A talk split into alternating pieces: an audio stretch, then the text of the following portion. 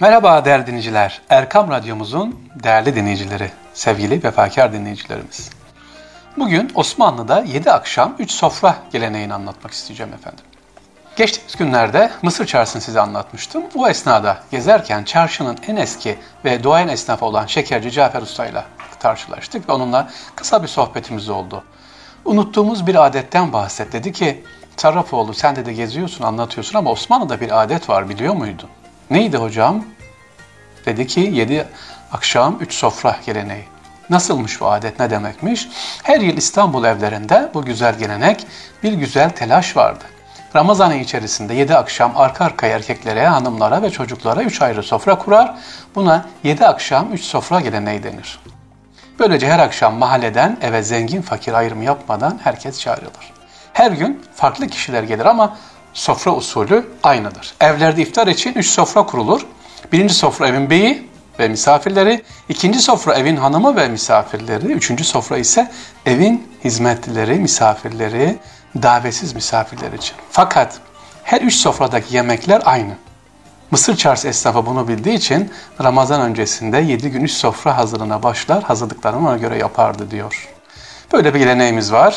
İşte onu şimdi size aktarmak isteyeceğim. Peki şu soruyu soracaksınız. Güzel de gelen hangi sofraya oturacak? Kim nereye oturacak? Ayrı mı oturuluyor? Yani hizmetler ayrı, çocuklar ayrı mı? Hayır. İşte onun da usulü var. Şöyle, darüt tabak yani ziyafet evi olan evde herkes akraba ve ahbapların evine iftara davet eder, ikram ederek kudretince ziyafet vermeye çalışırdı. İstanbul'da işte kurulan bu yedi gün üç sofra geleneğinde sofraların her birine bir isim verilir. Yasin, Tebareki, Amme gibi. Üç sofra var ya, Yasin, Tebareki, Amme yani Kur'an isimlerinden bir tanesi ev sahibi verilmiş. E sofrada kaç kaşık varsa o kadar kaşa sofranın adı yazılır. Diyelim ki 7 kişi oturacak. Bir sofrada 7 tane kaşık, diğer sofrada 7, 7, 3, 7, 21 değil mi? 21 tane kaşık arkasına yazılır Yasin, birine tebareke, birine amme gibi böyle karıştırılır. Sofrada ona göre yazılır ve kapıya sepete konur. Kapıdan içeri giren atar elini sepette ne çıkarsa eline. Tebareke çıkarsa tebareke sofrasına, amme çıkarsa diyelim amme sofrasına gider oturur. Yanına kimin oturacağı ne yapmaz belli değil. Zengin, fakir yan yana otururlar. Böyle güzel bir adet. Yedi akşam, üç sofra geleneği. Peki bu geleneğin kaynağı nedir? Nereden çıkmış bu? Sadece zengin evlerinde mi olur? Hayır. İstanbul'da her evde Ramazan'da böyle telaş var. E, 7 gün sürmese de işte 2 gün, 3 gün sürdüren de var. Önemli olan bu sofranın, 3 ayrı sofranın kurulması efendim. Resulullah Aleyhisselatü Vesselam diyor ki sizden herhangi birinizin yemek sofrası misafirinin önünde bulunduğu müddetçe melekler onun için istiğfar ederler. Yine kardeşlerinin yiyip de artırdıkları yemeği yiyenden o yemeğin hesabı sorulmaz.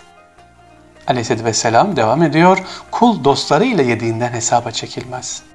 Kul üç yemekten mesul değildir. Bunlar sahur, iftar ve dostlar ile yediği yemektir. İşte bundan dolayı İstanbul'umuzda yedi akşam üç sofra geleneği devam ediyor idi. Şimdi diyeceksiniz ki hocam nasıl devam edecek? Ee, korona var. Geçtiğimiz Ramazan hatırlayalım. Tamam var. Allah bizi inşallah bu sıkıntıdan kolaylıkla kurtarsın, hayra çevirsin Rabbil Alemin. Tüm dünyayı. Ama biz ihtiyacımız olduğum zaman ne yapıyoruz? Hemen cep telefonu, hemen internet ya da telefonla arıyoruz geliyor. O zaman komşularımıza da ya da dostlara ya da ihtiyaç sahiplerine de biz de gönderelim. Değil mi? Motorlar var gidiyor geliyor. Bu geleneğimizi uzaktan devam ettirelim. İlla gitmeler gelmeler değil ama maske, mesafe, e, temizliğe dikkat edeceğiz elbette. Ama ikramı, sadakalaşmayı, sadaka vermeyi, paylaşmayı da unutmayacağız inşallah. Başka bir gelenek daha var efendim. Berberler ve kalaycılar Osmanlı döneminde e, çok iş yaparlar Ramazan ayı geldiği zaman. Daha doğrusu gelmeden. Niye? E, bu da bir sadaka berberlere giderler. Önceden derler ki işte 10 kişi, 20 kişi tıraş et benim için. Onun parasını peşin verirler. İhtiyaç sahipleri giderler oradan. Hani askıda ekmek gibi tıraşın olurlar. Kalaycılar ne yapar?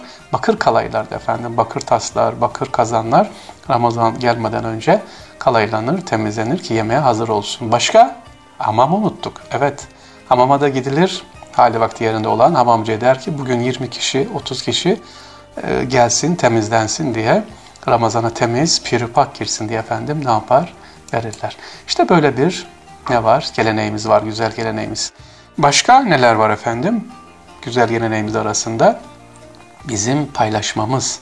Ama bunlar eskiden de geçti gitti derseniz bu kültür tarihte kalır. Ah deyip böyle nostalji dinleme olur. Değil, bunları bulduğumuz yerde neredeyse Kütahya'daysak, işte Konya'da, Adana'da, Hakkari'de bulunduğumuz yerde herkes kültürüne göre paylaşmayı yaşatabiliriz efendim. İstanbul'un sırları devam ediyor sevgili dinleyiciler. Şimdi sizi Edirne Kapı'ya götürüyorum. Edirne Kapı'da ne var efendim? Edirne Kapı'da Köpekçi Baba var. Yani köpeklerin babası Ebul Kilap isimde. Bunu nasıl tevafuk oldu Edirne Kapı şehitini gezerken ha bakıyorum gerçekten köpeklerin babası yazıyor. Köpekçi Hasan Baba. Aslında kendisi bir hak aşığı. Kendi manevi sırlarını gizlemek için köpeklerle dost edindiği rivayet edilir. Zira sır tutmak dünyada en zor emanetlerden biri. Hele manevi bir sır sağı bunu ifşa etmeden yaşamak biraz maharet ister. Hani insan rüya görüyor, güzel rüya, 40 kişiye anlatmada rahat etmiyor ya onun gibi işte manevi ikramı da tutmak önemli. Halk için hak ile köpekçi baba köpekleriyle geziyor ama öyle sıradan birisi değil Hasan Baba. Her semtte, her mahallede sınırları var. Ee, başka bir köpek başka bir mahalleye giremiyor. Başka köpekçi babayı gördüğü zaman Hasan Baba'yı ona saygı gösteriyor. İstanbul'u teftişe köpekleriyle çıkıyor Hasan Baba. Manevi keşfe. Zamanında bütün mevzupların reisi gibiymiş kendisi efendim kaynaklarımıza göre. Ve şöyle bir özelliği varmış Hasan Baba'nın. Kendisine bir şey sorulduğu zaman yanlış kafiyeli cümlelerle, evet yanlış kafiyeli cümlelerle cevap veriyor. Bakın Kazasker Muhittin Efendi, İsmet Molla merhum gayet titiz bir adammış. O kadar ki evde sofraya oturmaz, yemeğini ayrı yermiş.